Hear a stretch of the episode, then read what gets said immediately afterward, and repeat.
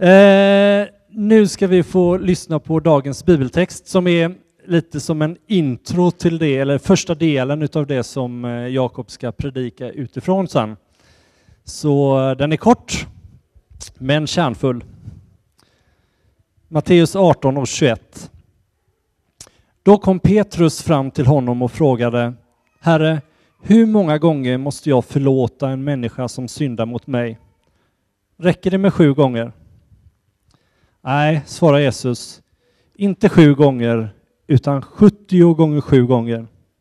För himmelriket är som... Punkt, punkt, punkt.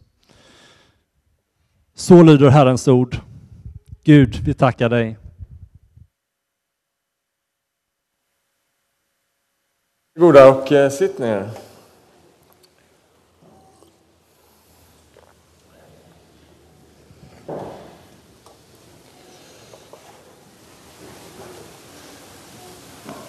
Är det någon som har sparat ut hår någon gång till långt hår så kommer man till det här läget där det inte riktigt går att sätta upp i en tofs för det liksom är lite för kort och det är inte riktigt bekvämt att ha det utsläppt så nu vet jag inte hur jag ska göra här. Jag får gå ner och sätta mig här. Nej, det ska nog gå bra. Herre, jag tackar dig för att vi får vara samlade i ditt hus här inför ditt ord, Herre. Tack Herre för att du har en hälsning till oss här i ditt ord. Jag ber att jag ska få tala rakt in i våra hjärtan. Jag ber nu helige Ande att du håller mig i ditt grepp så att jag får predika ditt ord, Herre, och inte människotankar, Herre, utan ditt ord, Herre, som är levande och verksamt och som går rakt in i våra hjärtan och utför det som du har tänkt att det ska göra, Herre. Jag tackar dig för det, Herre. I Jesu namn. Amen. Det var en gång en man som var rik som ett troll. Ja, han var mångmiljardär, kanske en av de rikaste som vår tid känner. Och hans framgång på Wall Street hade gjort honom till en av världens, världens allra rikaste. Och han var vän med filmstjärnor och ja, till och med vän av presidenten. Men en våghalsig och dålig investering och han förlorade allt. Det var inte bara så att investeringen var dålig, utan den var också olaglig. Den var liksom utanför gränsen vad som är okej. Okay. Han förlorade allt. Han kunde inte längre betala sin dyra livsstil. Han kunde inte ha alla sina olika lägenheter och hus. Allt togs ifrån honom. En dålig investering och han förlorade allt och han hamnade i djup skuld. Och inte nog med det. Eftersom att investeringen var utanför vad lagen tillät så kom polisen och hämtade honom och satte honom i fängelse. Eller dömde honom till fängelse därför att hans investering var kopplad till kriminell verksamhet. Så här står mannen som precis hade varit på toppen av världen och nu har han ingenting. Och dessutom dömd till ett kommande fängelsestraff. Och vad gör han? Jo, han tänker, har jag någon chans, har jag någon räddning att klara mig ur den här situationen? Och han insåg att jag kanske kan utnyttja någon av de gamla kontakterna jag har haft i mitt tidigare liv. Så han kontaktar presidenten som han har mött vid flertalet tillfällen i sitt liv bland överklassen. Och mot alla odds så utnyttjar presidenten sin makt och ger mannen amnesti. Alltså, han frikänner honom och ger honom allt han behöver för att kunna leva som en fri man med ett gott liv. Från toppen till botten, hopplöst förlorad. Och så helt plötsligt, jag är fri. På vägen hem från mötet med presidenten så möter mannen en av sina tidigare anställda, ja, inte vem som helst, utan en av hans ekonomer. Och ekonomen berättar, jag är ledsen, jag måste erkänna en sak. Nu vet jag att det redan är kört för dig, så jag har liksom inget att förlora kanske. Jag fifflade lite med siffrorna och satte in några extra månadslöner på mitt konto.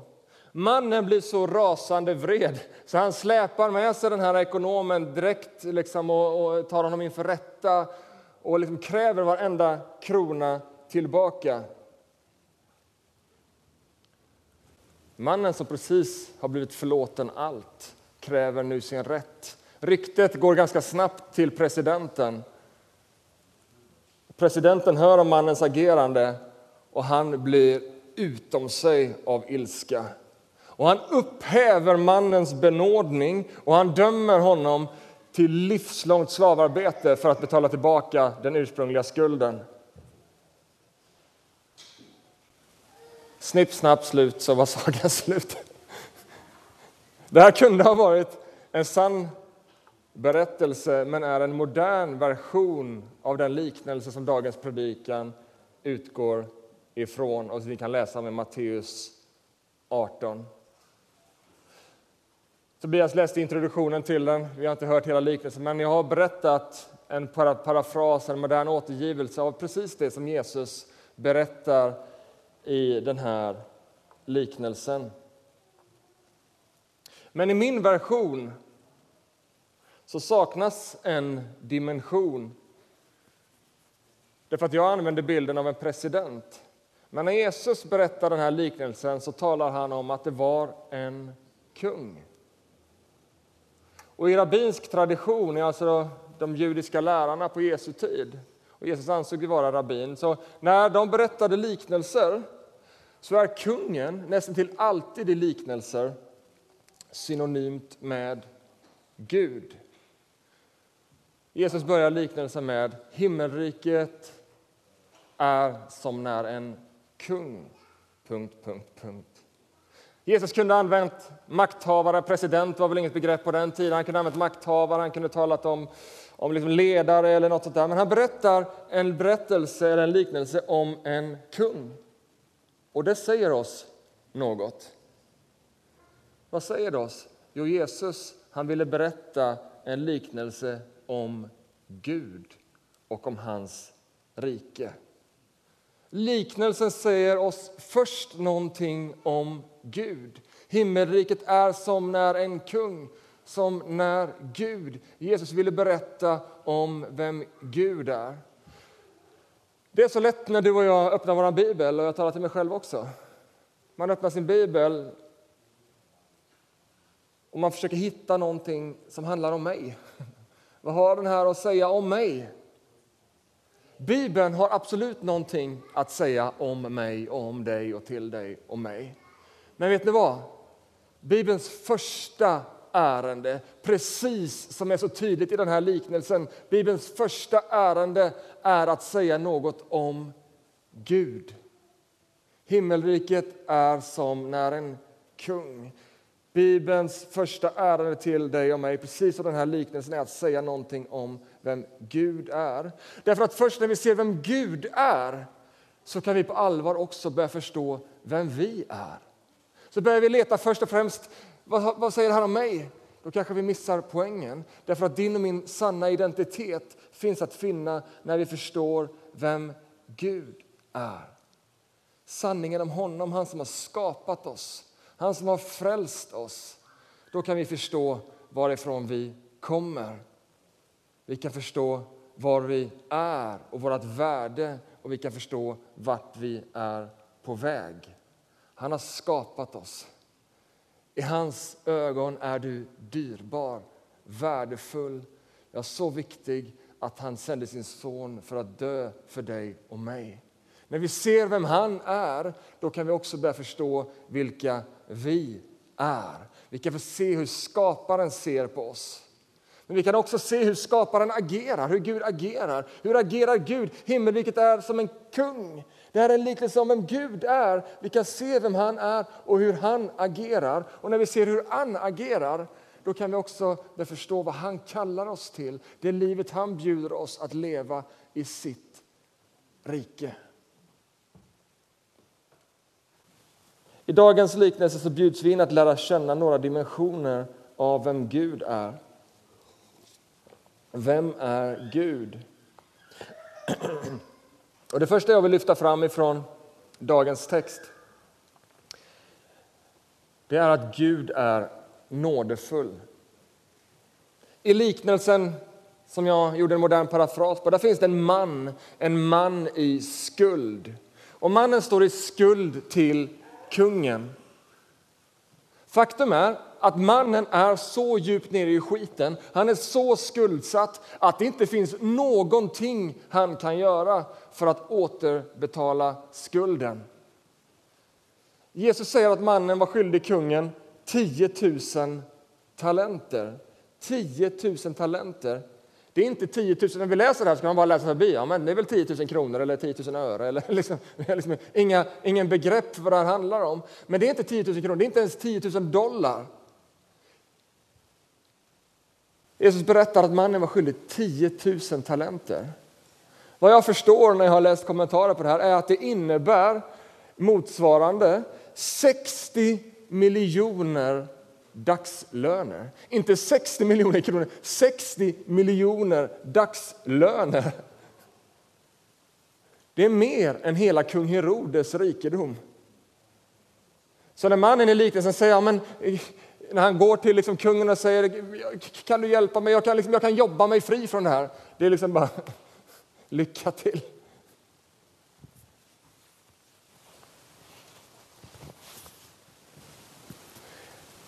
Vad är poängen när Jesus säger detta?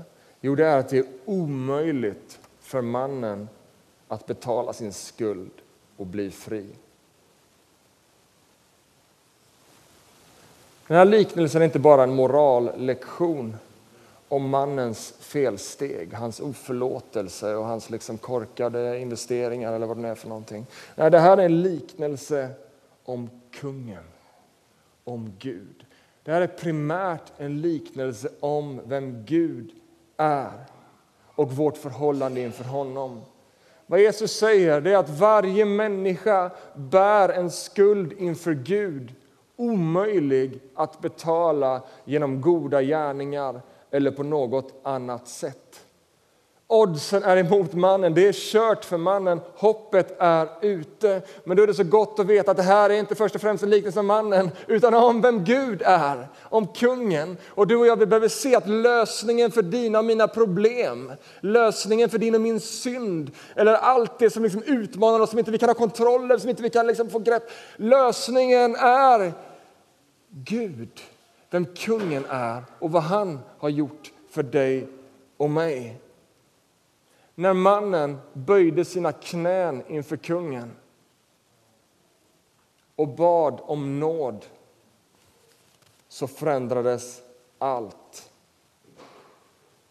Ja, men det hade varit fine enough om kungen hade sagt att ja, men du kan ändå inte betala tillbaka det här, men låt oss göra en liten avbetalningsplan här, eller en delbetalning, eller liksom efter, vi efterskänker lite av vad du är skyldig. Ja, men nu har du satt dig i skiten här. Nu får du minsann, eh, nu får du minsann liksom ta lite ansvar här och, och jobba för din frihet. Kungen efterskänkte mannen hela hans skuld. Mannen blev fri. Och jag tror man måste ställa sig också frågan varför i hela världen drar Jesus till med ett sånt astronomiskt stort belopp? 60 miljoner dagslöner. Jo, för att visa att Guds nåd är astronomiskt stor. Guds nåd är gränslös. Guds nåd är så stor så vi inte kan greppa den. Hur mycket är 60 miljoner dagslöner? Ja, det är mycket. Hur mycket är Guds nåd? Ja, än rikare. Så mycket mer överflödade nåden, säger Paulus. När synden blev stor, ja, då överflödade nåden än mer. Guds nåd är utan gräns. Bär du på en känsla av skuld? Känner du att du inte räcker till inför Gud? Att du inte är god nog för honom? Lyssna nu. Gud har inte gett dig en avbetalningsplan. Gud har inte efterskänkt lite grann av din skuld inför honom. Det är inte så att Gud förnekar att du bär på en skuld. Jesus är tydlig. Du har en skuld som är så stor så du kan inte ens liksom göra någonting för att bli av med den. Men i Jesus Kristus så har han efterskänkt hela skulden. Han har inte gett dig en avbetalningsplan, så nu måste du minsann jobba och få ordning på saker och ting. Nej, du behöver acceptera att ditt skuldabrev som vittnade emot dig, det är uppspikat på korset. Du är fullständigt fri. Så den där skulden som du bär på, känslan av att inte räcka till, det vill Jesus Kristus genom sin heliga Ande lyfta av dina axlar den här söndagen så att du kan vara fri. Fullständigt, fullkomligt fri. Han har inte gett dig en avbetalningsplan. Han har betalat allt med sitt eget liv. Gud är nådefull. Och så långt är ju allt frid och fröjd i liknelsen. Mannen får allt förlåtet. Men så kommer den där oväntade vändningen i liknelsen.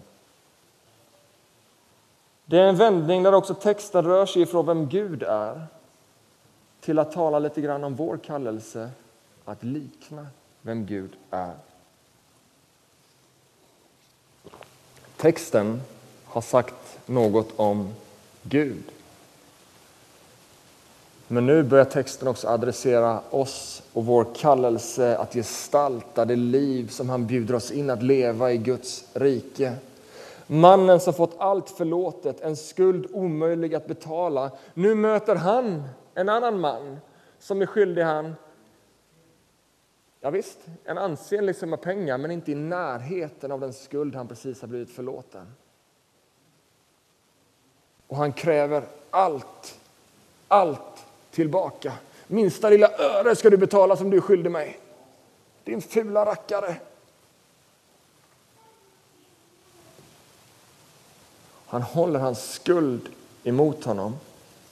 Kungen hör om detta och blir rasande. Och han kallar till sig mannen och så säger han i vers 32-33. Hela skulden efterskänkte jag dig därför att du bad mig. Borde inte du också ha förbarmat dig över din medtjänare liksom jag förbarmade mig över dig? Mannen som nyss var frikänd, han får nu istället sin skuld tillbaka. Han får arbeta av sin skuld. Han var fri, men genom sin oförlåtelse mot en broder, skulle kunna också vara en syster, så blev han återigen bunden. Det är någonting med oförlåtelse som binder dig och mig. När mannen, när mannen som precis var fri när oförlåtelse väcks i hans hjärta, vad händer? Ja, det är inte bara att han sätter den andra mannen i en jobbig situation och måste du betala tillbaka, utan han själv hamnar i fångenskap. Han själv blir bunden igen. Oförlåtelse binder oss. Oförlåtelse har en förmåga att binda oss, även om vi har rätten på vår sida. Men juridiskt sett så var det ju korrekt. Mannen hade ju liksom snott pengar ifrån honom, han var skyldig honom pengar. Så han hade ju liksom, var, han hade ju liksom juridisk rätt på sin sida att kräva det tillbaka. Men det var ändå fel inför Gud. Kungen blir rasande. Kom hit, din usla tjänare. Jag efterskänkte dig allt. Men du visade inte någon barmhärtighet till din broder. Här är din skuld, varsågod och betala tillbaka. Man kan undra varför reagerar kungen? Varför reagerar Gud så skarpt, så kraftfullt, så beslutsamt? Därför att Gud är helig. Vi har talat om att Gud är nåd och hans nåd är gränslös. Men det innebär inte att Gud bara är en snäll liten figur uppe som liksom bara är snäll hela tiden. Då blir man dumsnäll. Gud är inte dumsnäll. Gud är alltigenom nådefull, men han är också helig. Han kan inte tolerera orättfärdighet. Gud är rättfärdig. Han kan inte medverka till orättfärdighet. Ja, ja, men låt gå. Nej, Gud är helig. Mannen, han må ha haft juridisk rätt på sin sida, men inför Gud så var han helt ute och cyklade.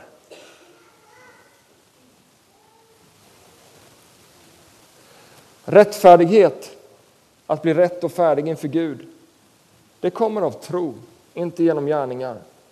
Mannen blev fri när han satte sin tro till kungen, att kungen kunde och ville förlåta honom. Då blev han fri. Rättfärdighet kommer av tro. Men lyssna nu, den rättfärdighet som kommer av tro, den är tänkt att leda till ett förändrat liv. Så vi får inte rättfärdighet för att vi har förändrat oss, för att vi liksom har förändrat vårt liv, för att vi börjar liksom bara, nej. Vi blir rättfärdiga genom tro. Men den rättfärdighet som har blivit vår genom tro, den är tänkt att leda till ett förändrat liv. Mötet med Guds nåd är ett möte att låta sig förvandlas. Mannen i liknelsen hade inte låtit sitt hjärta bli förvandlat av den nåd som hade kommit honom till del. Hesekiel 36, vers 26 säger Jag ska ge er ett nytt hjärta och låta en ny ande komma in i er. Jag ska ta bort stenhjärtat ur er kropp och ge er ett hjärta av kött. Jag ska låta min ande komma in i er och göra så att ni vandrar efter mina stadgar och håller mina lagar och följer dem. Vad beskriver det här? Det beskriver mötet med Guds nåd. Mötet med Jesus Kristus. Mötet med Guds nåd är en transformerande kraft. En kraft som bjuder oss att behandla andra så som Gud har behandlat oss. Wow! Vilken kallelse! Vilken kallelse! Ibland kan vi tänka att det här med att vara kristen det är liksom bara att tro på Jesus och jag är förlåten och alltihopa. Absolut. Men det slutar inte där. Det där mötet med Jesu kärlek, mötet med Jesu helighet, mötet med Jesu nåd är en transformerande kraft att forma våra hjärtan så att våra liv blir förvandlade, så att vi behandlar andra så som vi har blivit behandlade av Gud.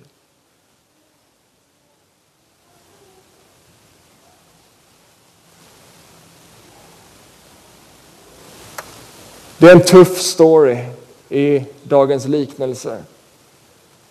Och jag själv bara kände, wow, hur ska jag kunna bli frälst? Hur ska jag kunna liksom komma upp till den här? Men jag tror att vi också måste se att det här är en liknelse. Jag tror inte Jesu tanke är att du liksom ska oroa dig över din frälsning på det sättet. Och liksom bara, har jag behandlat någon fel? Jag kanske inte kommer till himlen.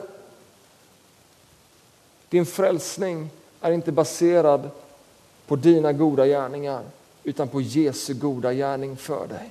Du behöver vara rotad i den sanningen. Du, när, liksom, när, när Bibeln kommer att tala till oss hur vi ska leva våra liv och leva livet i Guds rike, då måste vi först vara rotade i Bibelns lära om rättfärdighet genom tro. Att du har fått del av Guds nåd som en gåva. Men, lyssna nu. Om oförlåtelse har ett starkare grepp om oss än vad Guds nåd har och Guds försonande kraft har, då behöver vi omvända oss. Om vi möter den där mannen, vi har fått allt förlåtet inför Gud och så möter vi den där mannen som liksom har gjort någonting mindre emot oss och är den starkaste kraften i den situationen. Oh, jag vill slå ihjäl dig! Jag vill, bara, oh, jag vill ha tillbaka allt som är mitt! Då har oförlåtelsen ett starkare grepp över vårt hjärta än vad Guds nåd har. Och då behöver vi kasta oss inför Jesu ansikte. Då behöver vi kasta oss inför hans kors och säga Herre, mitt hjärta, det är för hårt. Precis som Hesekiel profeterar om, det är för hårt. Jag behöver ett nytt hjärta av kött och blod, ett hjärta av medkänsla, medlidande, ett hjärta som är mjukt, ett hjärta som inte håller människors synd emot dem, utan som är likt ditt hjärta, Gud, som säger Fader förlåt dem, för de vet inte vad de gör. Och så får vi anförtro hela den här saken, oss själva och den syster eller broder som har gjort något emot oss, får vi anförtro dem åt Herren Jesus Kristus och låta hans vilja ske. Så ja, det är en radikal liknelse, det är ett radikalt budskap som Jesus säger. Ja, vi är rättfärdiga av nåd, men den nåden vill forma våra hjärtan att bli lika Jesus. Dagens liknelse stryker inte synden medhårs, utan den utmanar oss.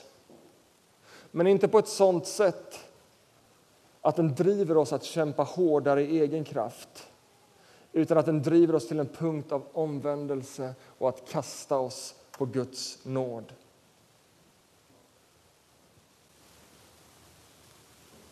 Vi kanske brottas på olika sätt med olika saker, olika saker som håller oss tillbaka. Och vägen till seger är inte att kämpa hårdare, utan det är att komma ihåg orden från 1 Johannes 1 och 19. Att när vi omvänder oss och bekänner vår synd så är han trofast och rättfärdig och förlåter oss från all vår skuld. Och gång efter gång får vi komma, vi får omvända oss, vi får ta emot Jesu Kristi nåd och vi får låta nåden forma oss. Himmelriket är som